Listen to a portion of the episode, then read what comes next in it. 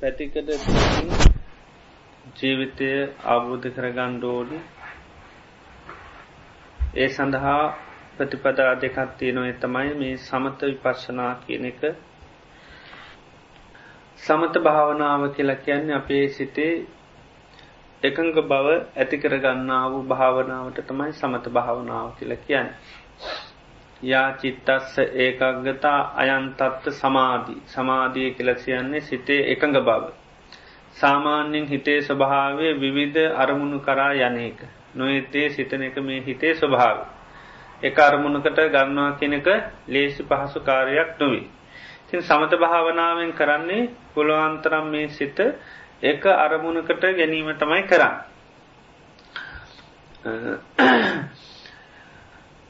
එතකොට අර හිතේ තියෙන කලබලකාරිත්වය සම්පූර්ණ නැතිවෙනු. ඉළඟට විපස්සනා භාවනාවෙන් තමයි ජීවිතය යථාර්ථය ඇති කරගන්න. මේ ජීවිතය තියෙන ඇත්ත ස්වභාවය අවබෝධ කරගන්න නුවන මෙහවන ක්‍රමවේදයට තමයි අපි විපස්සනා භාවනා කියන්න. එතට මේ සමත විපර්ශනා භාවනා දෙකම කරනකොට අපි බුදුරජාණන් වහන්සේ දේශනා කරනවා කරුණු තුනක් මුල් කරගෙන තමයි වඩාට තියන්නේ. ඒ තමයි සතිපට්ටාන සූත්‍රයත් පෙන්නනවා ආතාපි සම්පජානු සතිමා. ආතාපි කියන්නේ නිතරම කෙලෙස් තවන වීරී කියනක තීන්ඩු. ආතාපි සම්පජානුව කැන හොඳ නුවනින් යුතුව කරන්නටෝ. සතිමා කැන්නේ සිහියෙන් යුතුව. එතට සෑම භාවනාවක් කරනකොටම මේ තුන උපයෝගි කරගන්නට ඕනි ඒ තමයි වීරිය ඊළඟට නුවන සහ සිහිය. ඒ තුනමුල් කරගෙනටමයි සෑම භාවනාවක්ම අපිට වඩන්න තියෙන්. ඕනම භාවනාවක් කරන්නකට මේ තුන උපයෝගි කරගන්නට ඕන්. එතකොට තමයි ඒක සාර්ථකව කරගන්ට පුළුවන්කම ලැබෙන්නේ. දැ මේ භාවනා කිරීමේදී අපි පළමෙන් අපේ මේ සිත සංවර කරගන්න සිතේ ඥානය උපදවාගන්න තමයි භාවනා කරන්න.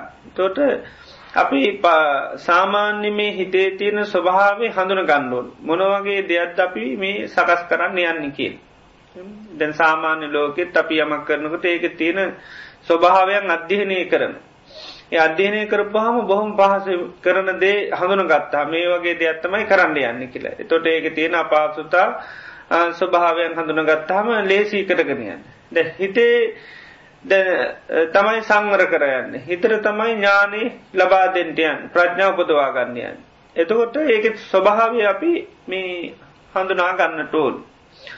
දැම් බුදුරජාණන් වහන්සේ සාමාන්‍යෙන් හිතේ ස්වභාවය පෙන්නන්නේ පන්දනන් චපලන් චිත්තන් මේ හිත කැන සැලෙන එක පන්දනය කැන නිතරම සැලෙන එක චපල කැන ස්තීරත්වයක් හිතේ නෑ ඒ නිසාම තමයි අපි දැම් මේ හොඳ අදහස්සකින් මේ භාවනාවට හිත ගත්තට එහෙම ස්තේරත්වයක් හිතට නෑ දැම මේ හොඳ දෙයක් කරන්නාව දැඒ දේ කරන්න ඕනි කෙලෙක නෑ ස්තීරත්වයක් නෑ ඊළඟට පන්දනන් චපලන් චිත්තං. දුරක්කම් මේක එහෙම ලේසියෙන් ආරශ්ා කරන්න පුළංකක් නෙවේ දුන්නිවාරයෙන් වලක් වන්නක් බෑ. කැමති තැන්වලට යනවා එක ලේසින් වලක් වන්නක් බෑ. ඊළඟට දුන්නින් ගස්ස. මේ හිතට එහෙම ලේසි නිග්‍රහ කරන්න පුළුවන් එකක් නෙව. නිග්‍රහ කරයි කියල එක ඉක්මට ඉගෙන ගන්න. දැන් සමාරයට මොනහර කිව්වාම අපි දන්න සාමාන්‍ය සමාජය ඉක්මනට මේ වෙන හිත එහෙම දෙයක් නිග්‍රහ කරයි කියල එහෙම ඉක්මනින්ම ඒකට ලැජ්ජාවට එහෙම පත්වෙන්නේ නෑ මේ ඒක තමයි හිතේ ස්වභාව තැන් අපිට සමහරලාට හිතාගන්න බැරි අරමුණ වෙන අපිතින් හරියට ආදිනෝ චික්කේ මේ වගේ දෙයක් කියල. දැ එහෙම නිග්‍රහ කරයි කියලා හිතෙහෙම ඉක්වනින් මේ වෙන්න. ආයත් ඒකටම තව යන් ඒකයි. දුන්නින් ගස්ස කියන එක නිග්‍රහ කර නමාරු එක දුන්නින් ගස් ලහුනෝකැන් හරි ඉක්මනින් පෙරලෙනවා. ඉක්මනින් පෙන්වා යත්ත කාම නිපාතුරන කැමති කැමති අරමුණුවලට තමයි යන්න. ඊළඟට හිතේ ස්භාවතමයි වාරිජෝව තලය කිත්තු. හරියට මාළුවේ ගොඩට දැම්ම වගේ තමයි හිත මේ භාවනාට ගන්නවා කියන්න. මේ දැ මාළුවේ ගොඩ දැම්මහම ඉන්නම බෑ. පුළුවන්තනම් දඟලිල්ලක්ම තමයි තියෙන්. මේ හිතත් ඒ වගේ තමයි මේ සාමාන්‍යෙන් අපි පොඩ්ඩක් මේ වුණු ගම් හිත දඟලන්ඩ පටන්ගන්න. ද මාළුවා ජලයේ ඉන්න තාකල් කිසි පස්්නයක් නෑ පීන පීන පීන ඔහේ කෙරවරන්න නැතු යන්න පුළුවන්. ඉතින් ඒ නිසා කිසිම දැඟලිල්ලක් නෑ දැන් ගොඩට දැම්මොත්තේ මොකද වෙන්නේ හරියට දඟලන. හිතත් එහෙමයි කැමති කැමති අරමුණු කරා යන්න දෙනවනම් හිතේ කිසිීම නෑ වගේ තමයි. ඉන්න බවක්වත් තේරෙන්නේ නැහැ. නමුත් දැම් භාවනාට ගත්තාම තමයි ඔන්න හිතේ තියෙන ස්වභාවය හොඳට තේරේ. ඒක තියෙන දැඟලිල්ල එක තැනක ඉන්න බැරි ගතිය ඔක්කෝම තේර. ඊට ඉතින් හිත හරියට මාලයක් වගේ කියන එක ඒ තරම්ම මේ අර දංගලන ස්වභාවෙන් යුත්ත එක. ඊළඟට දූරංගම. මේ හිත බොහෝම දුර යන එක අපි මෙතන හිටියට දුර යනවා හිත. ලෝක වටේම ගිය අයගේ හිත ලෝක වටේම යන ඒක තමයි හිතේ ස්වභාවේ දූරංගමන්. ඒක චරක් ගැන්නේ අපි ඕන්න තනියම යන්න පුලො ඒක තරක් අස්සරීරන් කැන ශරීරයක් හිතට ඔන්න ගවාසයන් කැන ජීවිතය නමති ගහය තමයි ජීවත්වෙන් එතන මේ හිතේ තියෙන සාමාන්‍ය ගති ස්වභාවයන් තමයි මේක. මේක එක්කෙනෙකුට දෙන්නෙකුට පොදු එකක් නෙවේ. මුළු සමස්ත ලෝකයේ ජීවත්තෙන් මිනිස්සුන්ගේ හිත්තල තියෙන ගති ලක්ෂණය. ට හැමෝටම මේ ස්වභාව තමයි තියෙන් දැන් අපි පුද්ජලක හිතන මගේ හිතර තමයි මේ දෝෂය තියෙන්නේ කියලා නමුත් නෑ මේ හැමෝටම තියෙන සාමාන්‍ය දෝෂයක්. ඉතින් අර නුවන තියෙන අය මොකද කරන්න මේක කමානුකූලව බුදුරජාණන් වන්ස කියනවට හී වඩුවෙක් ඊ තලයක් අමානුකූලෝ නමන වගේ අන්න මේ නුවන තියනය මේ හිත පොඩ්ඩ පොඩ්ඩ පොඩ්ඩ සංවර කර ගන්න. එතකොට මේ භාවනා කිරීමේදී අපි හඳුන ගණ්ඩෝනි මේ හිතේ තියෙන මේ ගති ස්වභාව මෙමද හිතත්තමයි අපි ද මේ භාවනාවට මෙව කරගන්න. එතකොට ඉතින් භාවනා අරමුන්ටක ගන්නකොට තමයි අර හිතේ අර සාමාන්‍ය චරියාවෙන් වෙනස් කරගත්තට පස්සර මේ හිත මොකද කර වෙන්නේ? මේ බොහොම ඉක්මනින්ම වේගවත් වෙන මේකක් වෙනවා. දඟලන ස්භාවයට පත්වන වැඩි. දැන් සමහරය මේ භාවනා කරන්න හිත මේ ගත්තට පද සමල්ලාට බයත්වෙන මොකද පිස්සු හැදේ කියලා. මොකද ඒ තරම් සිතවිලියනවා හිතාගන්න වැඩි තරම් සිතවිලි කන්දරාවක් ගලාගෙනනවා හේතුව තමයි දැන් අපි මේ ආයතනවලින් එක මේ මනස ක්‍රියාත්ම කරනකට ගොඩ වැඩතිනවා ඇහෙම් බලනයවත් එක කටයුතු තියෙනවා. කනෙම් බලනයවත් එකක් තියෙනවා. ඇද ආයතනත් එක වැඩ කරනකොට හිතට ගොඩ දේවල් තියෙනවාතින් දැන් ඒ ඔක්කොම් වහලා භාවනාට ගත්තට පස්සමකද තියන්නේ? එතොට තියන්නේ හිතත් එක්කම තමයි තින් ඒක හරිට දැන් වට පිටින් කකා බිබි අයට අපි වටේ පිටේ කෑමටික නැතුනම් පද ගෙදර තියනවතම උසවස ගන්න තියෙන්නේ. නේද? ගෙදර තියන කෑමටික තා ජීවතේ. වගේ තම හිත අර පරණ ගත්ත අරමුණු ඔක්කොම ඊට පස පුත්තිඳන්න වලන් ගන්න අරව නතර කර ගමම්ම දැම් භාවනාටාපන් පස්සේ ස්වභාව ඒක ඒකයි මේ මේ අපිට මේ හිතාගන්නුව බැරි පරණ සිද්ධ ඊට පසම තක් කල දෙන භාවනා කරන්න ආපුහම ඒ තමයි හිතේ ස්වභාවට ඊට බද හිතේම තියෙනවා අවස අවස බලන්ඩ යන ගතියක් තියෙනවා. ඉතිං ඒ හිතේ තියෙන ස්වභාවේ ලක්ෂණය තමයි. දැම්පෝ දඟලන පොඩ්ලාමේ ළඟට ගත්තොත් එක ඉතින් අපිත් ඒක තමයි ඊට පස සටන් කරන්න. නේද? එලියට ඇවිදින්ට ඇවිද ඇවිද හිටියගෙන අපි ළඟට ගත්තොත්තේ මේක නතර කරපු ගාමක දෙන්නේ අපිත් ඒක ඊට පස පොරබදනවා. නේද? ආනේ වගේ තමයි මේ හිතත්. ඉතින් අපි මොකද ගන්න පොරබදන්න දීලා ඉන්නේ. ඊට පස්සේ තේට්ටු ගිහිල්ලා නිින්ද යනවා. ඒ වගේ හිතටත් පොඩ්ඩක් ඉතින් පොරබදනකොට පොඩ්ඩක් බලන්න ඉඳයි තියෙන්නේ. මේ හිතේ තියෙන ස්වභාවය මේක කියලා. ඉතින් ඒ විදිහට අර ස්වභාවය හඳුනාගෙන තමයි භාවනාවේ අපි සිද්ධ කරන්න ඕන්. එතොට අර භාවනාව දී අපේ මනස බුදුරජාන් වන්ස වෙනන මේ පොඩිලමයෙක් වගේ කියල් ගාමධාරකෝ විය ගම්දරුවෙක් වගේ තමයි සාමාන්‍යෙන් අපේ හිත. දැන් ගම්දරුවේ පොඩිලමේ අපි හදනවාන අපි ළමයගේ ස්වරූපය හොඳට හඳුනාගෙන තමයි හද. දැන් ළමයෙක් අපිට තේරෙන කෙනෙක් කියලා දුන්නොත්තේම අපිට දවසක්ව සමට හදන්න බැරි වෙනවා. නේද. ළමේ දුන්න තේරණ කෙනෙක් හැටියට අපි පිළියන හැද ගත්තොත්තේම හදන්න පුළුවන් කියල හිතනවා. බෑන නේද. දැම ළමයි අපි පඩිකාල හොඳනම දන්න තේරෙන්නෑ කියල. එතොට දැන් ඒ අයි හදනකොට තින් හරි දේවල් වෙනවන ඒ හැම දෙයක්ම පිවසනවා ඉවසන්නේ තේරෙන්නේ කියලා තාම චූටි ඒ නිසා අපි ගණන් ගන්න මොකද තේරෙන් නැති නිසා.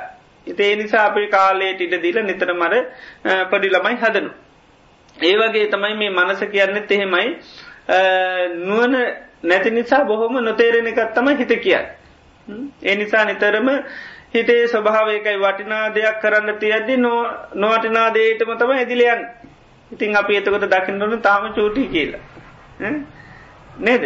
ඒ නිසා අර හිතට දුම්නසා කනගාටුවක් පසුතැවිල්ලක් ඇති කරගන්න හොඳනෑ අර පොඩිළමයට සමාව දෙනවගේ හිතට සමාව දෙන්න ඕන්නේ තාම චූටි. නේද? නැත්තම් මෙච්චර වටිනාදේ අතැල්ල යන්නේ නේද? හරියට කරානම් දවස් සතෙන් නේද? ජීවිත අවබෝධ කරගන්න පුළුවන්. එච්චර වටිනාදේ ඔන්න නේද? දුන්නත් කරන්න කැමති නෑ. දැන් පොඩි ළමයත් දැන් වටිනා කිසිම දේකට යොමු කරන්න බෑ. අඩුම ගාන කෑමවීමටවත් නින්දටවත් යොමු කරන්න බෑ. වටිනා කියන දේවලට කැමතින නොවටිනා දේට තමයි කැමති. මන්න සත්්‍යහෙම තමයි. නෑ නොවන්ටිනා දේට තමයි කැමති. එතට අර පොඩිලමයට අපි උපක්‍රම ශීලී වෙනවා වගේ. වටිනා දේට අපි උපක්‍රම ශීලීව මේ කන්න බොන්ඩ නිදියෝයි කරවන්න අපි ලොකු උපක්‍රමයක් කරනවා. ආන්නේ වගේ තබයි හිතටත් උපක්‍රම ශීලී වෙන්ඩෝන් හොඳට උපක්‍රම කරන්න ඕන. මේක දමනය කරන්න. විසාකාවටක් කියන්නේ උපක්කිලිට්ටස් විසාක චිත්තස් උපක්කමේන පරියෝධපනං හෝතු. උපක්ලේශවලින් කිලිටිවෙච්චි හිත උපක්‍රම ශීලී වෙන්න ඕන කියනවා මේක හදන් ඒ නිසා බුදුරජාන් වහන්සේම දැන් ගොඩ අවස්ථාවල් දේශනා කළ තින දැන් භාවනාවටකම හිත පිහිටන් නැත්තම් ප්‍රසාද ජනක අරමුණුවල හිත පිහිටුවන්ටකින් ප්‍රසාද ජන කරමුණුවල හිත පිහිටුවන්ඩ කියනවා. ඒ ප්‍රසාද ජන කරමුණුවල හිත පිහිටු හාම ඉතිං ඉක්මනින්ම හිත අන්න තැම්පත්වෙනවා. ඒ නිසා දැන් ඉරජුවම භාවනාවට ගණ්ඩ කියලා පවත්තන්න ගියොත්තේම හිත එකට කැමතිනෑ. හිත අප ඒක නිසා ප්‍රසාද ජනක දේවල්වල හිත පිහිටුවන්න ටෝන් හිත දුවන ගතිය වැඩිනම් ප්‍රසාද ජනක දේවල් දැම් බුදුගුණ හිතන්න පුළුවන් එතකොට ටික කොන්න හිත ඒකට කැමැති. ඊළඟට අපි බුදුරජාන් වහන්සේ දේශනා කරන ද අපි ගොඩා පරිත්‍යයාග කරනවා. ඒ චාගය ගුණේ ගැන සී කරන්න කුල එකත් භාවනම චාගානුසති භාවනවා අර එක පැත්තකින් ලොකු පස අපේ හිත දිනාගත්ත දේවල්න්නේ හිතේ ආස්වාදයක් විදපු දේවල්. ඉති ඒවට හිත දාගන්න ලේසි. ඇති ඒ වගේ ප්‍රසාද ජන කරමුණු සිහි කරන්න කියනු බුද්ධානුස්සති ඒ වගේ දේවල්. ඒවා හිත හොඳට මෙවුණට පස්සෙ තමයි යන්න තමන් අනිත් ප්‍රධාන කර්මත්තානකට එන්න ලේසි. ඒ විදිේ නිතරම මේ ප්‍රසාද අරමුණු වලට මේ හිත පත් කරන්න ටෝනි ආන එතකොට තමයි හිත මේ භාවනාවට ගන්න පුළුවන්. අනිත් පැත්තෙන් හිත කියන බොහෝම දැනුම විරහිත මේ දෙයක්. එක හරිට හරකෙක් වගේ. දැ හරකෙක් නිතරම දැනුවන ඒ නිසාම හරක පිටිපස්සේ කවදින්නේ ගොපල්ලෙක් ඉන්න ගොපල්ල තමයි හරක හසුරුවන් මොකද හරකට දැනුම නෑ හිතත් ඒ වගේ තමයි. හරකෙක් වගේ තමයි හිත කියන්නේ. ඒකට දාන්න ඕනි ගොපල්ලි. කවුද ගොපල්ලා? ගොපල්ල තමයි සිහිය. සිහිය තමයි ගොපල්ල. දැන් හරකටෝනි දේවල් හරි දේවල් බතක් කර දෙන්න කවුද? පිටි පස්සිින්දලා හැරෙන්ඩෝනීව යන්ඩෝනීව කෝම ගොපල්ල සහි කරල දෙන දැ නීරක එම හරක ඇරයි යනකොට දැ හරක සොර ස්වභාවමකක්ද ළඟ තනකොල තිබත් ඒව කන්න කැමති නෑ. දෙ පැත්ති තින තනකොල ගොයන් කන්න තමයි කැමති. ඉතින් ගොපල්ලමකද කරන්නේ? ගොපල්ල දන්න තන ගොයන් කියන්න කන්ද සුදුසු එකක් නෙවේ කෑවත් ඉතින් ගුටි තමයි කණ්ඩවෙන්න දෙන්නට දනුවම් විදි යුතු දෙයක්ත්තමයි ගොයන් කෑම්. ඉති එයා දන්නුව එක තියෙන බයහනක්කම රස වනාට කෑවත් භයනකයි ඉති එනිසා ගොපල්ලමකද කරන්නේ? හොම්බට ගහන ගොයන්ට දැම්මි ගම නමුත් හරක ඊට පස්සේ කෙවිටේ සැරට විතරයි යන්නේ. ඊටවස ආයමතකයි ආයත් දානවා. එතට අයත් ගොපල් ඉතින් ගහන මතක් කරල දෙනවා. ඉතින් ගොපල්දාට කිසි පස්සනය නෑම කොච්චර හොම දැම මොකද දන්න දන්නේන දන්න හින්ද තම පිටි පස ඉන්ඩ වෙලාතින් ජීවිතාන්ත දක්වාම පිටි පස ඉඳලා මේ ආරශ්ා කරන්නඩුව මොකද ස්වෑරීෝ ජීවත්තෙන්න්න පුලන් කෙනෙක් නෙවේ ස්වෑරීව දැම්ම ගමන් මේ දනුවම් විදින දේවල් තමයි කරන්නේ. ඉති හිතත් ඒ වගේ තමයි. ස්වෑරීව දාල්තිබ ගමන් නිතරම දුක්විඳින දේවල් තමයි එකතු කරගන්න. දනුවන් ඉදින දේවල් තමයි හිත කරන්න. ඒ නිසා සිතට අන්න ආරස්සක ඒ තමයි මේ සිහිය. සිහියෙන් තම යන්න සී කරලා දෙන්නඩෝන් හිතට තියෙන පිළිසරණ බුදුරජාණන් වහන්සේ දේශනා කරලා තියෙනවා. හිතර තියෙන පිළිසරණ තමයි සිහිය.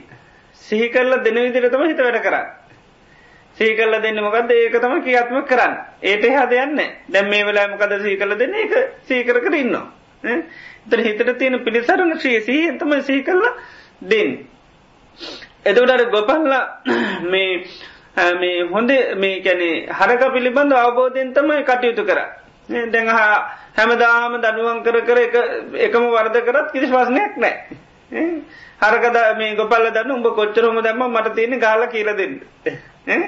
ඒවගේ තමයි දැන් හිතත් භාවනා කරනට කොච්චර පිටියන්න බල අපිට තියෙන සීකර අය ගන්න.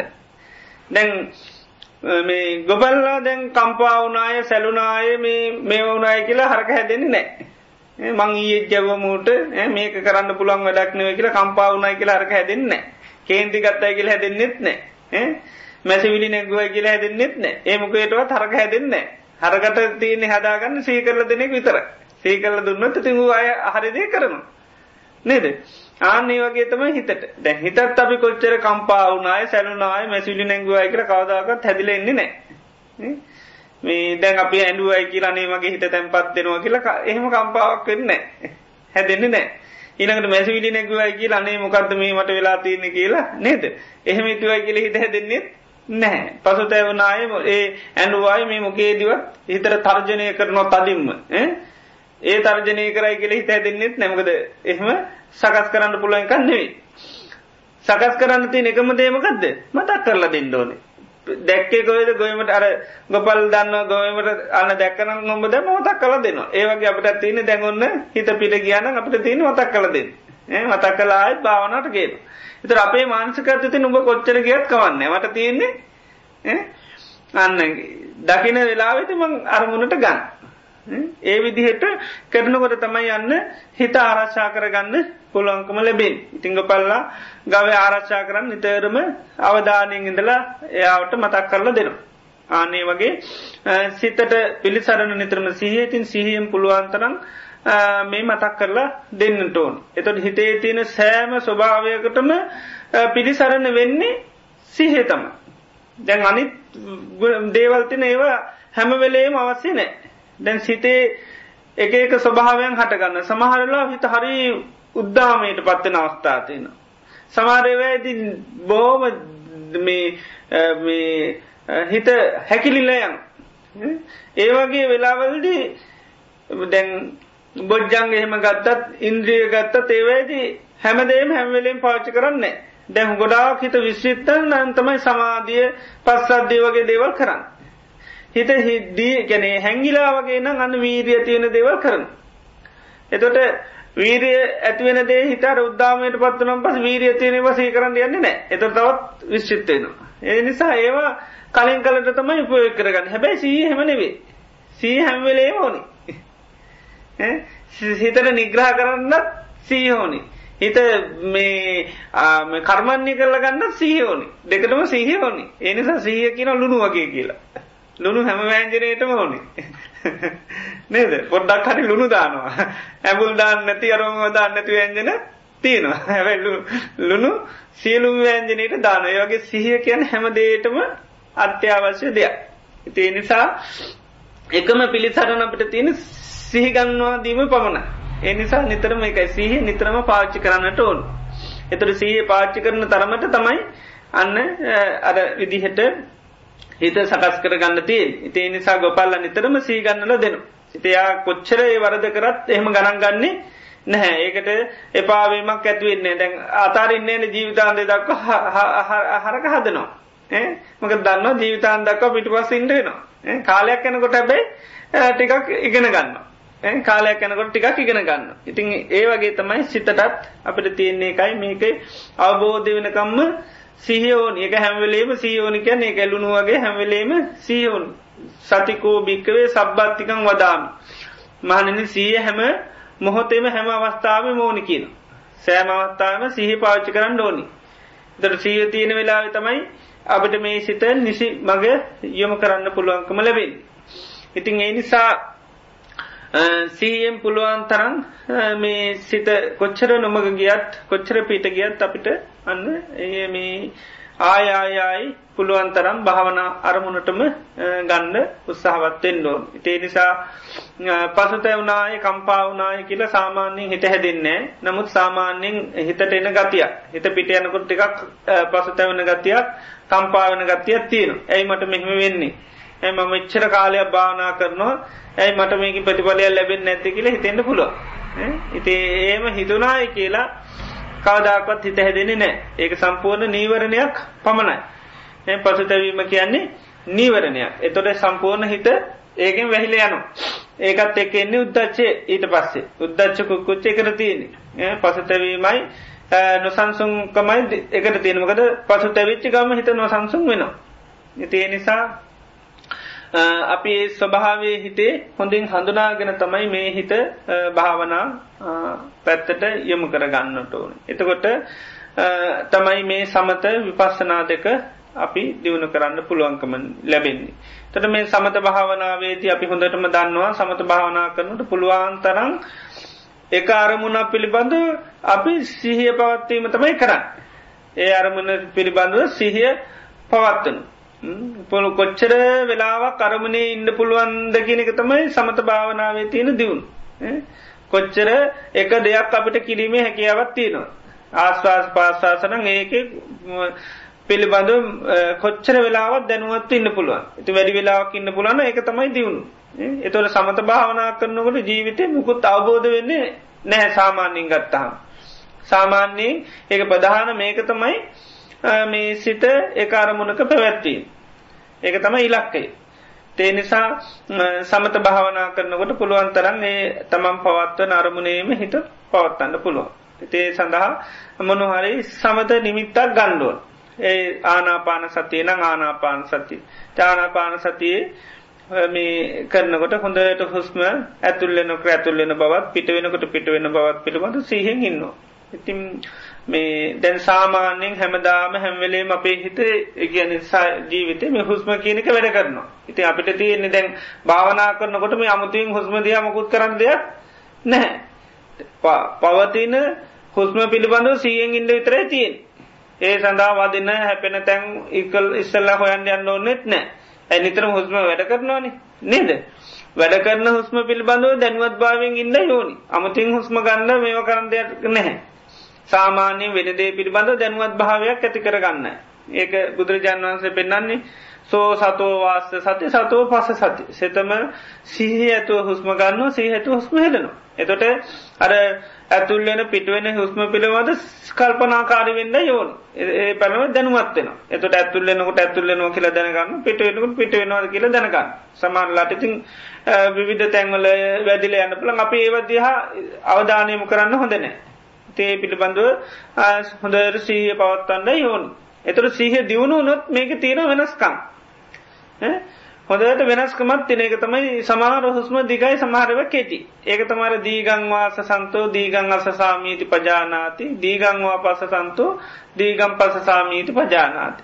එතවට දීර්ග හුස්මක් කරනට දීර්ග හුස්මක් කියර දැනගන්න පුළුව කෙටි හුස්මන්නම් කෙටි හුස්මක් කියර දැනගන්න. එතට දැනගැනීමත්තම එකෙත් කරන්න.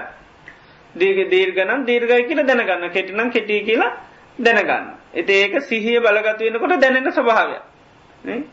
දැරොල්ලෝසු කට අධ්‍යයක් බලානිටුවත් අර පරණව ඇතින නන වැරෙන මේකක්. එතොට සමාරලාට එක පැත්තර ගොඩා කැන සමාරලාට කෙටිය තොට අපට දිගට බලානිටිය අන මුලින්ම බර බට්ට කැරක වැනෝ පේන තාටයක් කලනට එක වෙනස්කම් පේන ඒවගේතම හුස්ම පිළිබඳවත් අපට තියෙන හැබැයි ඔල්ලෝසු කට හැම්වෙලේම වෙන දෙයක්. අපි වැලුවත් නැත හුස්මත් එහෙමයි. අපි වැලුවත් නැතත් හැම්වෙලේම හුස්ම වැඩ කරනවා. ඒ නිසා දැන් භාවනා කරුවට පස මේ හුස්ම අමුතුවේ නතර වෙන්නේ නේද? දැන් ගොඩක් අයගෙන ටිකක් කලනට හුස්ම නැතිවෙනවලු නේද? දැන් භාවනා කරයි කියලා හුස්ම නැති වෙන්නේ හුස්ම තියෙනවා. හුස්ම වැඩ කරනවා. මේ ඒ නිසා මේ මුල් අවස්ථාවේදී අනිවාරෙන් හුස්ම ක්‍යාත්මකන මොකද මේ කය සංසිදනකොට හුස්ම සංසිදන හිතේ වේගවත් භාව අඩුවෙනකොට මේ කය සංසිදීම වෙලා යනවා. එතකොටත් අන්න මේ මොකද වෙන්න? මේ සියුම් වීමත් තමයි වෙන්නේ. ඒතෝට මේ අපි හඳුන ගණ්ඩෝනි මේ හුස්ම සියුම් වුණා මිසක් හුස්ම නැතිවෙලා නෑ ඉතිේ විදියට මේ ආශවාස් පාස්වාස් පිළිබඳව භාවනා කරන්න පුළුවන්. එහම නැත්තන් තව සමාධි බුදුරජාන් වහන්සේ ගොඩාක් වර්ණා කරපු සමාධී නිමිත්තත්තා මේ අට්ටික සංඥාව කියල දේශනා කළතිය.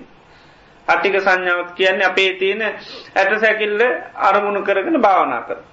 ඒ පිළිබඳව සමාධි උපදවනු. දැ බාහිරුව දැකලා තියන නැට සැකිල් ඒ ඇට සැකිල්ල ඒ ස්වරූපය තමන්ගේ කය හොඳට සිහ පීටවාගෙන බලන මේ කයේ තියෙන්නේ ඇයට සැකිල්ලක්කි. ඒකෙදී වෙනමකුත් මේ අවබෝධ වෙන දේවල් හිතන්න නැහැ. මේ වැඩක් නෑ අරෝම මුකුත් හිතන්න මේ කයේ ඇයට සැකිල්ලක් තියෙන්නේ කියන සංඥාව තම එතර සමාධීතම හිතේ වැඩේ. ඉතාමත්ම බලගත්තු ලෙස සමාධී පිහිටුව ගන්න පුළුවන්. බුදුරජාණන් සමාධී ඒ ගැන වර්ණා කරනකොට ප්‍රධානුවම කියන්නේ අට්ටික සංඥා. ඒක තමයි හොඳම සමාධි නිමිත්ත කියලා. තට ඕන වෙලාක ඒ සමාධ නිමිත්ත ඇතිකට ගන්න පුළුවන්. මේ හොඳට පුරුද්ධ කරපු හමිතින් පහසුවෙන් මේ මේ මේ සමාධ්‍ය ඇතිකට ගන්න පුළුවන් ක්‍රමයක් මේ අට්ටික සංඥා. හොඳට ඉස්සල්ලා ටිකටික ඔන්නම් බලන්න පුළන් තමන්ගේ ශරීරේදිය ඔළුවේන්දලා පහලට මීට බලාගෙන යන තොට පේනවා සාමාන්‍ය. ඊට පස්සේ අර මනසිකාරය හොඳට කරන්න ඕන. ඉට පස් මේකයේ තියෙන්නේ ඇට සැකිල්ලක් කියල. පාලින් කියන්නේ අට්ටි කියල. දැඒකත් ඕන්න පුළ නැතන් මේකයේ ඇට සැකිල්ලත්ති නත්ති මස්මින් කායේ අට්ටි මේකයේ ඇට සැකිල්ලත් තියෙන. ඊට පස්සේ ඒකම හිමීට සිහි කරන්න යෝනි. ඒ සිහි කරන්න සීකරන සීකරන ඊට පස්සේ තමන්ගේ හිතට සම්පූර්ණ මේ ඇට සැකිල්ල ඊට පස්ස පේන. මේ ඒකම හිත පිහිටවාගෙන ඉන්ඩයි තිී ඒ පිළිබඳව බයක් ඇතිවෙන්න හෝ අවබෝධය ඒ මොකක් වන්න තමන්ට තියෙන හොඳයට තමන් දැනගන්න මං මේ සිත පිහිටවා ගන්න මේක කරන්න. සිත මේ අරමුණේ පිහිටවා ගන්න සමාධිය ඇති කරගන්න ඉති ඊට පස්සේ ඒ විදියට කරන්න පුළන් එතවට හොඳට හිත සමාධිගත කරගන්න පුළුවන්කම ලැබෙනවා. එම නැත්තම් මෛත්‍රී කරනයට මෛත්‍රී භාවනාව කරන්න පුළන් අපි ගොඩක් කතා කර. මෛත්‍රය කරනකොට ඉස්සල්ලාම් මේ ලෝක ඉන්න සත්‍යයන් විශාල දුකට පත්තේච්චි පිරිසක් හැටියට අපේ මනසින් දැකළ සීලු සත්‍යයෝ සූපත්වේවා වෛර නැත්තුවෝ වෙත්වා කියලා ඒ විදිහට තමන්ට ගැලපෙන වචන කීපයකින් මෛත්‍රී සිත දියුණු කරන්න පුළුවන්. එහෙම නැත්තං විපස්සනා භාවනා දියුණු කරන්න පුළුවන්. තැන් සාමාන්‍ය විපර්ශනා භාවනා කරනකොට මේ කරන්න ජීවිතය යථාර්ථය අවබෝධ කරගන්න. එතවට සාමාන්‍යෙන් මේ ඉස්කන්ද ධාතු ආයතන පටිසම්පාද කියන ඒ ධර්මතා පිළිබඳ පොඩි දැනුමත් තියන්න ටෝනි මේ විපස්සනා භාවනා කරන්න. විපස්සනා භාවනාව කියන්න අර ජීවිතයේ තියෙන යථාර්ථය වර්තමාන කරගෙන. යථාර්ථය වර්තමාන කරනකොට මොකද වෙන්න යථාර්ථය පිළිබඳු සහ පීට්නවා. ප්‍රඥාව උපදින සිහනුවන උපදවාගන්න පුළුවන්කම ලැබෙනම ඇත්ත ස්වභාවය පිළිබඳු. ඒක තමයි මේ විපස්සනා භාවනාවෙන් කරන්න ඉතින් විවිධ ක්‍රමවලට විපස්සනා භාවනාව කරන්න පුළුවන්කම ලැබෙන. පංචපාදානස්කන්ද වස්සේ අපිට විපස්සනා වඩන්න පුළුව. දැන් අපි සමාධිය දියුණු කරන. සමාධිය දියුණු කරපු හම අපිකම හොඳට හිතේ සමාධිය තියෙන. ඒ සමාධිය ම බුදුරජාණන් වහන්සේ විපශනා වඩන්න කියනවා. සමාධිය කියන්නේ මකක්ද. සමාධී කියන්නේ බුදුරජාණන්සේ දේශනා කරන ඒකත් පංචපාදානස්කන්ධයක් කියන. සමාධී කියන්නේ පංචපාදානස්කන්ධය. රූප වේදනා සංඥා සංකාර විඤ්ඥානවලින් සකස්සිච්චිකතම සමාධී කියන්න. දැන් අපි භාවනා කරනකට රූපය කරමුණු කරගෙන තමයි භාවනා කරන්න. ඊළඟට ඒවසීට පස්ස අපට සැපවේදනා හටගන්න. එතට වේදනාස්කන් දේවිඩවන් හඳුනාගන්න සංඥාස්කන්ද ඊට පසේ පිළිබඳ චේතනා පහරකනට සංස්කාරස්කන්ද ඊළඟට විඤ්ඥානයතම යොක්කම දැනගන්න. විඤ්ඥානස්කන් තොට සමාධිය කියල කියන්නේ පංචුපාදානස්කන්දය අන්න ඊට පස්සෙ පුළන් මේ පංචුපාදානස්කන්දය තමන්ට භාවනාවසයෙන් වඩන්න පුළුවන්. ඒකැනේ දැන් සමාධය කියන පංචපාදානස්කන්ද කීට පස් මේක තියෙන රූප වේදනා සංඥා සංකාර විඤ්ඥාන තර මේ රූපය කියන්නේ අනිත්‍යයි. කැන රූපය වෙනස් වෙලා යන එක ඊළඟට වේදනා වෙනස් වෙලා යන අනිත්‍යය කියන වෙනස් වෙනවා කියලා. ඉළඟට සංඥා කියන්න හඳුනා ගැනීම. හඳුනා ගැනීමත් වෙනස් වෙනවා. සංස්කාර අනිත්‍යය සංස්කාරත් වෙනස් වෙලා යන විඤ්ඥානය අනිත්‍යයි විඤ්ඥානයත් වෙනස් වෙලා යනවා. එතොට ඒකම නැවත නැවත්ත සිහිගන්නව ගන්නයි තිීන්. එතවට මේ පංචපාදානස් මේ පං මේ සමාධිය කියන්නේ පංචපාදානස්කන්දයක් හැටිට අපි දකින එතර මේ පංචපාදානස්කන්දය වෙනස් වෙන එක. එතට අපිකිම දැන් සමාධිය දැයිල්ළඟ දවස තමන්ට නෑ. දැ වෙනද හොඳ සමාධියත් තිබ ඊළඟ දවසේ සමාධිය දැම්මගේ සමාධිය නෑ. දැහෙම කරන්න දෙතකට. ඇයි සමාධියත් පංචුපාදානස්කන්දෙත් ඒකත් අන්න වෙනස් වුනා ආන ඇයි ඒ භාව විපස්සනාවසයෙන් වඩ පිහින්ද අන්න මොක දන්න සමාධිය කියලා උනේ හට ගැනීම. හේතුන්ගේ හට ගැනීමක්. ඒක වෙනස් වනයි කියලෙ තුළ දුක්කෙන්ට කනකාට වෙන දෙයක් නෑ. අන්න ඒ නිසා අර සමාධිය වගේ දැ ඒකත් පංචපාදානස්කන්දයන්නම් ඒකත් වෙනස්සල යනවනම් ඒ පිළිබඳ හොඳ අබෝධයකට නොන ජීවිතය සාමාන්‍ය දේවල් පිළිබඳ එතකොට වෙනස්වීම ගැන ඉක්මනිම අවබෝධ කරගන්න පුළුවන්. එච්චර ප්‍රනීත දේකුත් පංචපාදානස්කන්දයක් හැටිට දැකලපි ඒක අවබෝධ කරගන්නවනම් අර සාමාන්‍ය දේවල් පිළිබඳුව අවබෝධ ඉක්මනින්ම ඇති කරගන්න පුළුවන්. ඉතින් ඒ විදිහට විපර්ශනා කරන්න පුළුවන්. එතිනිදි හොඳට අර්ථය තමයි දකිින්ඩුවල් පස්සනා කියන්නේ නිතරම පාලිභාෂ බලනවා කියනකට විපර්ශනා කියන්නේ ඇත්ත ස්වභාව බලන. දැ රූපේ ඇත්ත ස්වභාමකද වෙනස් වෙනවා. ඉතින් ඒ අපි හොඳට දකින්න රූපය කියන වෙනස් වෙන එකක්. ඒ සිහේ තමයි උපදෝගන්නඩෝල් රූපය වෙනස් වෙන එකක්. වේදනාව ගත්තොත් වේදනාව වෙනස් වෙන එක යනිත්‍ය සංඥාවසෙන් වඩා ඊළඟට දුකක් හැටියට ඒක වඩන්න පුළුව අනාත්මය කෙන තමන්ට අයිති නැති දෙයක් හැටියට ඒ විදිහටම සී කරන්න පුළුව. එම නැත්තම් මේක රෝගයක් හැටියට සී කරන්න පුළුව. රෝගයක් තියන තාකල් අපිට විඳවන්නන තියෙන නේද දැ පංච පාදානස්කන්දයක් බලන්ටකින රෝගයක් වගේ කිය. පරූපේ තින තාකල් විඳවන්න තින් වේදනාව තින තාකල් විඳවන්න තින් සංඥාව තින තාකල් විඳවන්න. සංස්කාර තින තාකල් විඳවන් විඤ්ඥානය පවතින තාකල් විඳවන්න. ඒ ආදීනුව තමයි යට සලකන්. එතට ආදීනුව සලකන්න සරකන්න අර රූපේට කැන පංජපාදානස්කන්දයට තියෙන බැනීම තමයි නැතිී. පංජපාදානස්කන්දය පිළිබඳව තියෙන වැරදි දෘෂ්ටිය තමයි නැතිී. ඒක නිත්‍යයයි කියලහෝ සැපයි කියලහෝ මගේ කියලහෝ හිතේ දෘෂ්ටියත් තියෙනන ඒක කැටනවා එක තමයි සක්කාය දිට්ටි නැතිනවා කියන්න. ඒවා ඒ පිළිබඳව යම් දැඩි තන්නහවත් තියෙනවනම් ඒක තමයි ඉට පස්ස අඩුවේ. ද අපිට තියෙන ආදීනුවම සලකණ්ඩයි තිීන්. ආදීනුව සැලකීම තුළමයි ඒක තිීන්. ඒකයි ඒ විවිධ විදියට මේ පංචු පාදානස්කන්දේ ආදීනුව සලකන්න බුදුරජාණන් වහන්සේ දේශනා කරලා තියෙන්. ඒ විදියට ඒක තමයි උපාදානස්කන්ද වසයෙන් විපසනා කරනවා කියන්. ඊට පස්සේ සලායතන වසයෙන් පුල මේ ආයතන පිළිබඳව ඒ විදියටම අනිත්‍ය දුකනාත්ම වසයෙන් අවබෝධ වෙන විදියට අඩන්න පුළුව. ඉළඟට පටිච්ච සමුපාද වසයෙන් බලන්නක් පුළුව. නිතරම හැම දෙයකම හේතු හොයෙන්. ඒක තමයි පටිත් සම්පාද වසයෙන් බලනවා කියන්න. ජාපිකම කයේ වේදනාව කටගත්තා පළමීම සිහ පීටුව ගන්න පුළ ඔන්න දැම්මට වේදනාව කටගත්තා ඉට පස්සේ කිම් පටිච්ච ඇයි මට මේ වේදනාව හටගත්තේ? ඇයි වේදනාව හටගත්තේ? පස්ස පච්චයා ස්පර්ශය නිසා තමයි වේදනාව හටගත්තේ. එතට මේ ස්පර්ශය කියන මොකද නිත්‍යයද අනතියද අනිත්‍ය දෙයක්. මේ ස්පර්ශය කියන අනිත්‍යයි. මොකද අනිත්‍යය දේවල්වල එකතුවත්තම ස්පර්ශය කිය ස්පර්ශ වෙන දේවල් නිත්‍යය දේවල් නෙවි ඒ තමයි කයත් අනිත්‍යය. කායට දැනෙන පහසත් අනිත්‍යයි. ඊළඟට ඒ සඳහා හටගන්න විඤ්ඥානයත් අනිත්‍යය. එතොට අනිත්‍ය සම්භූතන් කුතෝ නිච්චම් භවිශ්‍යතික අනිත්‍ය දේවල් නිසා හටගත්ත වේදනාව කොමද නිතිවෙන් වේදනාව අනිත්‍යයයි ඉට පස්සේ බලන්න පුළන් මේ සලායතන මොකක් නිසාද හටගත්තේ. සලායතන හටගන්න මොකක් නිසාද. නාම රූප පච්චයා සලායතන ඒක මංක විපසනා කරන්න පඩි සම්පාදයෙන් පොඩ්ඩක් දැනගන්න ටෝල්. එතොට නාමරූප අනිත්‍ය නිසාද සලායතනත් අනිත්‍යයි. දැන් අපේ මේ ආයතන ක්‍රියාත්මක වෙන නිතරම නාමරූප හටගණ්ඩෝල්.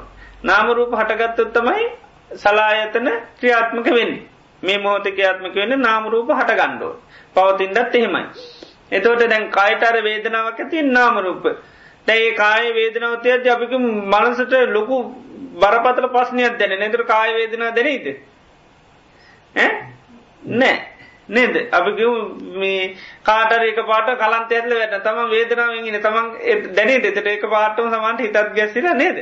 අනි පැත්තට යනවා. එතොට මේ අර වේදනාව අපිට එතට දැනෙන්නේ නාමරූප නිසා නාමරූප ක්‍යාකාරිත්තය නිසා.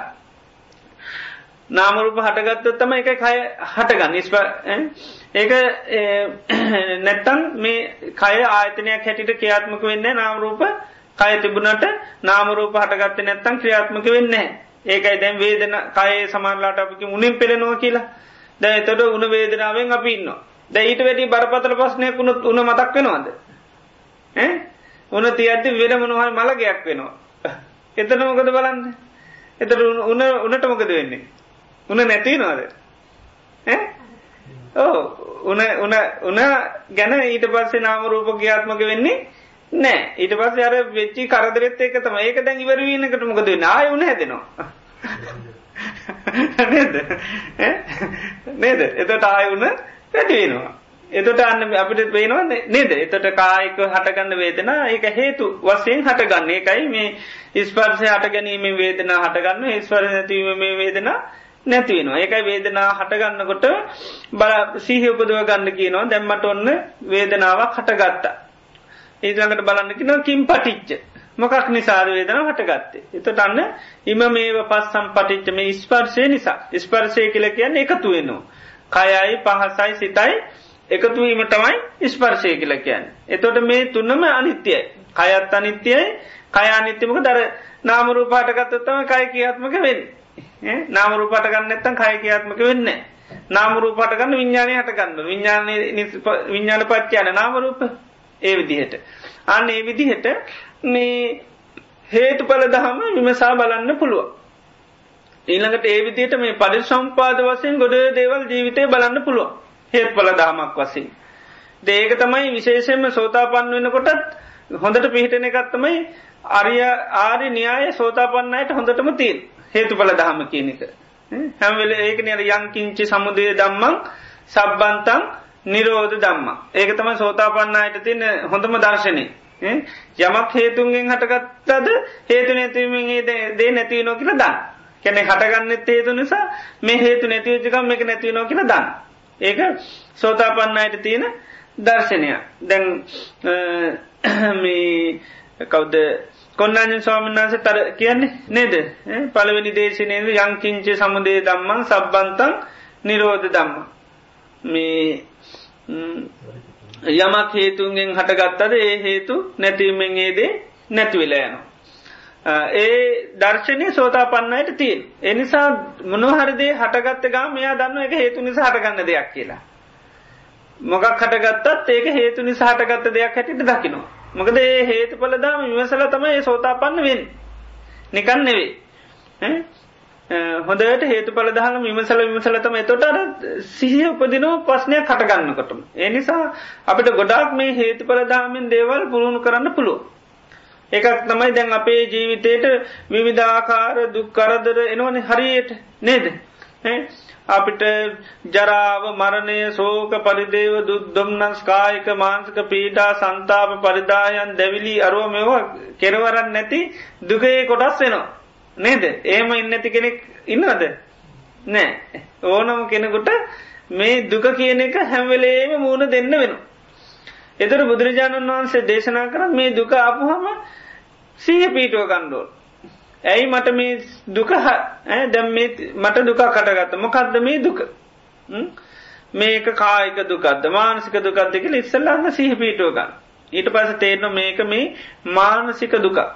ඊට පස්සේ තමන්ට බලන්න පුළන් ඇයි මේ මානසික දුක හටගත්. එතවර බුදුරජාන් වන්ස පෙන්න්නනවා ප්‍රධාන හේතුව තමයි මොකද ජාතිපච්චය. පරිසම්පාද පෙන්න්නන්නේ ජාතිපච්චයා ජරාමරනම් සෝක පරිදේව දුක්ක දෝමනන් සුපායාසා සම්බවන්ති. ඉපදීම මුල් කරගෙන තමයි මේ ජරාමරණ සෝක පරිදේව දුක් දුම්න්නස් හටගන්න දැ මේක පොඩි එකක් වගේ අපට නයන් තේරෙන්ඩ පුළුවන්. නේද නමුත් ගොඩාක් නැවත නැවත සී උපදුකයොත් මේක අභ්‍යන්තරේ අවබෝධ කරගන්න පුළුව. මොකද මේ ඉපදිනු නිසා දුක්කිනවා කියන්නේ. නේ එතොට සාමාන්‍ය දැන් අපිට ඉපදුනේ මොනවද. දැපිදිර තියන මොනවද අපිට තැයිපදුනේ මොනවද අපිට? ඉපදීම තෝරනකට කියන්නේ කන්දානම් පාතු භාව. මොනද පාලන්නේ ඉස්කන්ද මොනද ඉස්කන්ද කියන්නේ? රූප වේදනා සංඥා සංකාර. ඉළඟට ආයතනානම් පටිලාබ ආයතන පහළුණ මොනවද? ඇස කණ නාසේ දිව සරේරයේ මනස. දැ මේවා පාලච්චි නිසා නෙවේද දුක්කිනින්නේ මේ පාලච්චි නිසාන නේද දැන් අපිට ඒකයිද මේවා අපිට දැන් දුක හැටිට තේරෙන්නේ මගේ කියලද තේරෙන්නේ? සාමාන්‍යෙන් අපිට නේද? මගේ දේ සැප උපදන දේවල් හැටිට තම නිතරම මේක තේෙන් එතකොට දැන් අපි නිතරම දුකක් හටගන්නකොට දැ මේවා නිසා දුක හටගත්තා කිවහ මේවට කලකිරෙනවාද නැද්ද? කලකිරීමක් ඇතිවෙනවනේ එතොට නිදහස් වෙන්න බලන්න මොකෙන්ද මේවයි නිදහස්සෙන්න්න බලන්න එනම් මේ පංචුපාදානස්කන්දේ අයායයි හටගන්නවන ඒ තාකල් මේ ජරාමරණ සෝක පරිදේව දුද්දුම්නක් සිදින. ආයතනයන් යම්තා පහළ වෙනවනම් ඒතාකල් ආයමත් අපට දුක්විඳින්ට සිද්ධෙනවා. එතොට සාමාන්‍ය බුදුරජාණන් වන්ස පෙන්න්නනවා අපේ තන්නාහ පජංචවෙල තියන කොහෙද. සතිපට්ටාන තියන්නේ සාකෝපනේ සාතන්නා කත්ත උපජමාන උපද්ජති කත්ත නිවිසමාන නිවිස්සති. ඒ මේ තන්නාව කොහේද මේ උපදිනුවනම් උපදින්නේ. පජංචවෙල ඉන්නවනම් පජංජල ඉන්න කොහෙද කියලාන. එතට කිනන යන් ලෝකයේ පියරූපන් සාතරූපන් ලෝකේ යම් මිහිරි දෙයක් ඇත්නම් මනාප දෙයක් ඇත්නම් එතන කියෙන තන්නාහ පජංචවෙල ඉන්නේ. එත නහන කිංචි ලෝකයේ පිරමකද ලෝක ප්‍රියදේ එතරකින චක්කුන් ලෝකයේ පියරූප සතිපට්ටාන අරම් බලන්න පුලො නෑ ඇහැතමයි ලෝක ප්‍රියමනාපදේ එත්තේ සාතන්න අන්න ඒ තන්නා මෙතන තමයි උපදින්.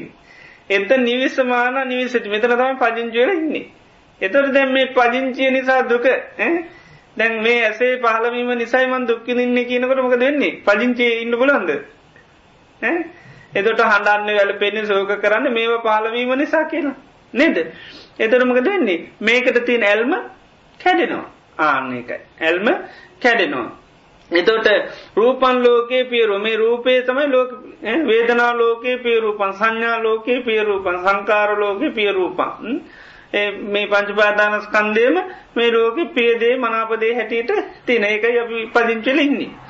එතර මේ උපත උපදිච්ච නිසාමන් දුක්කිදිනක්ව මේ වන පහලුන්නේ එත නොකද මේකට තමයි කල කිරේ.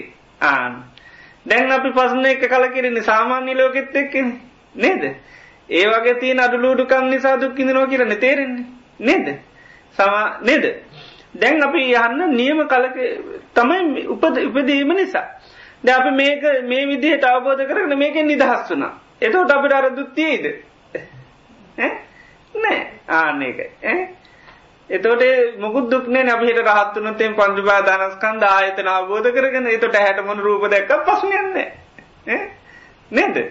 එතකොට අන්න දුක හටගන්නේ නැහැ. හිත ඒවිදියට මේ ඉපදුණු නිසා දුක්වින්දා කියන සිහට එන්ඩෝ. ඒකයි දැම් බෝසතාණන් වහන්සේ අපි දන්නවා සතර පෙර නිමිති දැක්කන නේද. සතර පෙර නිමිති දකිනකොට දැන් එතනදී පෙන්න්නනවා දැන් අපි විදිහට නෙවේ උන්වහන්ස කලකිරුණ. දැන් දිරච්චිම අරමනස ලෙඩ විච්චිම අනසේත් දැක්කා දිර මනුසේ දැක්ක මළමිනිියත් දැක්ක එතොට කලකිරුණ මොකද දීරත්තුවත ජාති ජාතියට නින්දාවේවා කිවා ජාතත්ස ඉපදිච්ච මිනිසුන මේ අතර පත්තේ. දැන් අප කලකිරුණ කලකිරන්න අර ලෙඩත් එක තමයි. නේද? දැන් උන්වහන්සේ ගිය කොතෙන්දෙද අන්න බලන්න කිව දීරත්තුවත ජාති හොදට බලන්න පුළන් මේ මහාපදාන සූත්‍රයම තියනු සත පෙරිනිමිති කතාවෙති. දීරත්වත ජාති ජාතියට නින්දහවේවා. ජාතස්ස ඉපදිත්තු මිනිස්සුන්ට තමයි මේක වෙන්නේ. ඊට පස තමයි උන්වහන්සේ පෙන් ඇයි මං ඉපදුනේ ඊට පස තම යානකි අන්න ඊට පස තමයි බවපච්චා ජාතියයි භවයක් කටගත් ඊට පස යන්න පුළුව. ඒ නිසා අපි නිතරම දුකක් හටගන්නකොටම යම් මොනවන් හෝ කායික වෙන්න පුළන් මානසික වෙන්න පුළන් ඉස්සල සිහ පීටවාගෙන බලන්න. ඒක ඔක්කොම අන්න විපසන භාවන. විපස්සන භාවන. දැන් අපිට වර්තමානය හරියට පීඩාවත් තීරන දැම් භාවනාව දීක බලන්න පුළුව දැම් මට හරියට සෝක පරිදේව දුක්දුම් නස් තියනවා. ඇයි මට මේ දුක හටගත් එතට අන්න ජාතිපට ඒකම සී කර. එතට කරන්න කරන්න මේ ඉපදිච්චි නිසා දුක්විඳ නොකින සිහිත පිහිටනවා. දැ භාවනාවෙන් සිය පුදුවන එක කරන්නේ. නිවන් දකිට ඒකානවාගේ සිය නම් සිය පුදුව ගණ්ඩුවන් නීද? සිහි පිටුව ගණ්ඩෝල් ඉතින් ඒ නිසා දැන් රහතන් නාන්සේලා නිතරම සිහිහින් නේමකද දියුණු කල දියුණු කළ සිය පුරුවනින්නේ ඒකයි රාතන් වහන්සේලාට ආයතනයන්ගේ යමක් ක්‍රියාත්මක වෙනකොටම සීහින් ඉන්නේ. ඒ නිසා ඒක ස්වභාව ටක්ගල සී කරල දෙන්න පුළුවමකද ඒක උපදෝගෙන තියෙන එකක්. එනිසා දැන් අන්න සෝක පරිදේව දුක්දුම් නසේ හටගන්නකොටම අන්න අපි කාලය තිස්සේ සිහ උපදවාන තීරන මේ ඉපදිච්චි නිසා කියල අන්න අන්න එයාට සිහපදින දැ සෝතා පන්න වෙනයටත් ඒක තියෙන ඒක දැන් සෝතා පන්න අය දුගක් කටගත්තට මුලාවට පත්වෙන්නේ නෑ සෝතා පන්නහට සාමාන්‍ය ජීවිතය දුක්කෙනකට මුලාවට පත්වෙන් අනේ මොකක්ද මේ මට උන්නේ කියල තන්නේ එයා දන්න මොකක්ද හේතුව කියලා. එයා යංකින්චි සමුදේ දම්මන් සබ්බන්තන් නිරෝධ තමය තන්න ඉපදීම තිනතා කල් මේ දුක තින ඉපදීම නැතිීමතා මේ දුක නිරුද්ධේ. එනි සය උත්සාහ කරන එන උපදීම නිරුද්ධ කරන්න ඕනි. ආන ඒ ප්‍රතිපදාවටය නිතරම අවතීරණ වෙනවා. එය දන්න උපත තියන තාකල් මේ පස්නේ තියෙන වෙනස් අයින් කරන්න නැති කරන්න පැල්ල යන්නමකුත් බැහැ. ඒකයි සෝතාපන්න අය අය වෙනත් ඇදහිලි අරවමවට යන්න ගැන්න ඒකයි. සෝතාපන්න අය බුදුරජාන් වහන්සේගේ උපදේශයක් මිසක් වෙන කිසි උපදේශකට යන්න නෑ වෙන සාත්තුරය කදහන්න ඇත කෝතු හල මංගලික දේවල් කිසිම දේ සෝතාපන්නයට අවසි නැහැ. හේතුමකද හේතු පල දහම දන්න නිසා. දුක කටගන්නකට දන්න මොකක්ද කියලා. වේදනාවක් කටගන්නකට දන්න මොකක්ද කියලා. ඒ විදියට මේ අර දුක හට ගන්නකොට ඒ අයට අන්න සීපිදිට ඒ විදිහට අපිට සීහපුදු ගන්න හැකියාව තිී ඒ විදියට නිතර මගේ ජීවිතයට විවිධාකාර සෝක පරිදේව දුක්දුම්නස් හටගන්න මේ සෝක පරිදේව දුක්දුම්නස් හටගන්නේ එතොට තමම්ම නෝනි විවසන්න මේ ඉපදීම මුල් කරගෙන තමයි දුක හටගන්න. උපදීම යන්තා තියනොන ඒ තාකල් මේ සෝක පරිදේව දුද්දුම් නස් තමයි තිය. එන උපත නැත්තන් තමයි සෝක පරිදේව දුද්දුම් නස් නැත්ති. එනම් මේ සෝක පරිදේව දුද්දුම් නස් නැතිවෙන්න නම් අනිවාරෙන් උපත නැතිවෙන්ද. අන්නේ. අනිත් පැත්තෙන් තවද නුවනිමිම සන්න පෙන්නුම් ඒවගේම ප්‍රධාන හේතුවත් තමයි මේ දුකට උපදි කෙලෙස් නිසා. කෙලෙස් නිසා දුක් විඳින්නේ මේ කියන එකත් බුදුරජන් වහන්සේ බලන්නකි. දැ ඒ විදිට බලන්න කෙනෙකට පුර නැත්තම් බලන්න පුර නිතරම දුකක් කෙනකොට ඇයි මට මේ දුක හටගත් එතොට උපදිපච්චා උපදිකට කෙලෙස් නිසා දැන් කෙලෙස්තිීන හිද තම අපි දුක්කිදින්නේ කෙලෙස් නැත්තං දුක්විදින්නේ නෑ දැරහත්තුනු ත්‍රාතන් වහන්සේලාට දුක්ක නිමිති තියෙන දුක්කටගන්නේ නැහැ. ඉතිආන්නේ විදිට හොඳට නුවනින් විමසන්න පුළුව ඒ විමසන්න විමසන්න සිහිය තමයි උපදින් මොකද දැන් සාමාන්‍ය ලෝකයේ දෙයක් වුණත් අපිට හොඳට මත් අභ්‍යන්තරයේ පිහිටන අපි හරියට එක මතක් කරනවා සී ගන්න ගන්නවනේ. එතවට තමයි පිහිටන ඒ නිසා මේකත් ඒක අර එක පාරත්ය පාරබ්‍ය අපට සමට ආත්ම ගානසී කරන්න වෙයි. එතර තමයි සහ පිහිටන්නේ. නැත්තන් අපිට බාහිර ලෝකෙම තම මතක් වෙන්නේ. මක්හරි වුණහම් ඉති ඒකයි ඒ මේ හොඳ සිහ උපදෝ ගන්න ඕන ඉටකං ඉතින් අපිට පුළුවන් තරන් සිහිගන්වීම කරන්න ඕන්. ඒක තමයි මේ විපසනා භාවනාවෙන් කරන්නේ. එක ඇත්ත ස්වභාව බලන්න ඇයි මේ දුක්වීමට හේතුව? අන්න එතකට තමයි පේන්නේ කෙලෙස් නිසා දුක උපදින්න. කෙලෙස් නිසා තමයි දුකපදින එකයි මේ විපසනා කරනවා කියන්නේ. එක යථාර්ථය බලනවා. අන්න එතෝට කාලයක් යැනකොට තමන්ට හොඳට පේනෝමේ කෙලෙස් නිසා තමන් දුක්කිනින්නේ කියලා. තේ නිසා හොඳට මේ නුවනින් විමසීම කරන විමසන්න විසන්න තමයි අර අවබෝධය ඇති කරගන්න පුළුවන්කම ලැබෙන සීහය නුවන කෙනෙක උපදවාගන්න පුළුවන්කම ලැබේ. ඉතේ නිසා භාවනා කරනකොට ඒ විපසනා පැත්තෙන් එහෙම කරන්නත් පුළුවන්. තේ විදියට ජීවිතයේ හැම පැත්තෙම යම් ඇත්ත ස්වභාවයක් තීරවන ඇත්ත ස්වභාවයන් වර්තමාන කරලා බැලීමතම විපශනා කිය. විවිධ විදිහ ඇත්ත ස්වභාවයන් තීර යතා ස්වභාවේ. ඒ ස්වභාවයන් වර්තමාන කරලා බලන එකට තමයි පසන ඒ අපිට ජීවිතය හැමවිලෙන් බලන්න පුළුව යනින් බස්සක යන ගම බලන්න පුළුවන් වැඩට කියල්ල පොඩ්ඩක් ඉදගෙන බලන්න පුළුවන්. නේද? හැම තැනම දුක කියන එක තියෙන බස්සකට කියත් ලංකාවෙන දුක. ඒ හැපෙනවා ඒ හැපෙනවා නේද? හැම තැනම දුක. කාරයාල්ට කියත් දුක. නේද? එතට බලන්න ඇයි මට මේ දුක හටගත්ත. නේද? ඉතින් එතකොට අන්න එතට බාහිර ලෝකෙත් එක්ක කිසිීම ගැටුමක්න මේක බාහිර පස්්නයන්නෙවේ අභ්‍යන්ත්‍රික පස්්නයක් කියලා තේරුම් ගන්නවා. තැ ලෝක ගැන කියනකොටත් කියන බුදුරයන් වන්ස ගැන ලෝකයේ තමයි මේක නේද? ලෝකයේ හට ගැනීමත් මේක තියෙන නැතිවීමත් තියන නැති කරන ක්‍රමෙත් තිීන ඔක්කොම තියෙන මේක කියනවා. එතොට තියෙන දුක මේක දුක අටගන්නෙත් මෙතන දුක නැති කරන්නෙත් මෙත නැතිවීමත් මෙත නැතිවෙන ක්‍රමේ තියෙන්නේ මෙතන ඔක්කොම මෙතන. බාහිරත් එක ගණු දෙනු නෑ බාහිර ඔක්කෝම තියද්දි මේක ඒක තමයි කරු දෙනුව තියෙන්නේ පස්සන විඳ ගන්න තියෙන තවන් එක්ක. අනිත් ඇත් එක අපිට පස්සන කතා කරන්න උත්තර දෙන්න මොකුත් නෑ චෝදනාවකරොත් කාටත් උත්තර දෙන්න දෙයන්නෑ විඳ ගන්න තියෙන මෙත් එක්ක. අනිත් අයට උත්තර දෙන්න මොකුත් නෑ ඒව ඇති එකයි කන්තිබුණට කියන්නේ බීරෙක් වගේ ඉඩ කියනවා ඇස්තිබට අන්දෙක් වගේ ඉඩ කියනවා රාතන් වන්සල කියන එම ඉඩ කියලා. කන්තිපුරට ඇවුන්න වගේ ඉඩ කියන මොක දෙව වඩන්න හලා මේක එක්ක වැඩ වැඩ තියන්නේ ඒකයි. අරවා හලා විසඳ ගන්න දෙයන්න මේ අත් ඒක තමයි විසන ගණඩ තියෙන්නේ. ඉතින් එතවට සම්පූර්ණුව ඒකයි. දැන් අර විදියට හේතු පල දහම් විසඳුවත් පස්සේ තමන්ට තේරුම් ගන්න පුළන් කොහෙද කියන්නේ කියලා. ඉති නිසා නිතරම හොඳට සහ පිටවාගෙන හොඳට විමස විමස බලන් එතෝට කාලයක්කනට හොඳ සීයක් පිහිටනවා. ඒ සිහිය පීටපුවාම තමයි අපිට මේක කරගෙන යන්න පුළුවන්කම තියෙන්නේ. තියෙනම් අපි දැන් කවුරුත් භාවනාවට පාඩියමු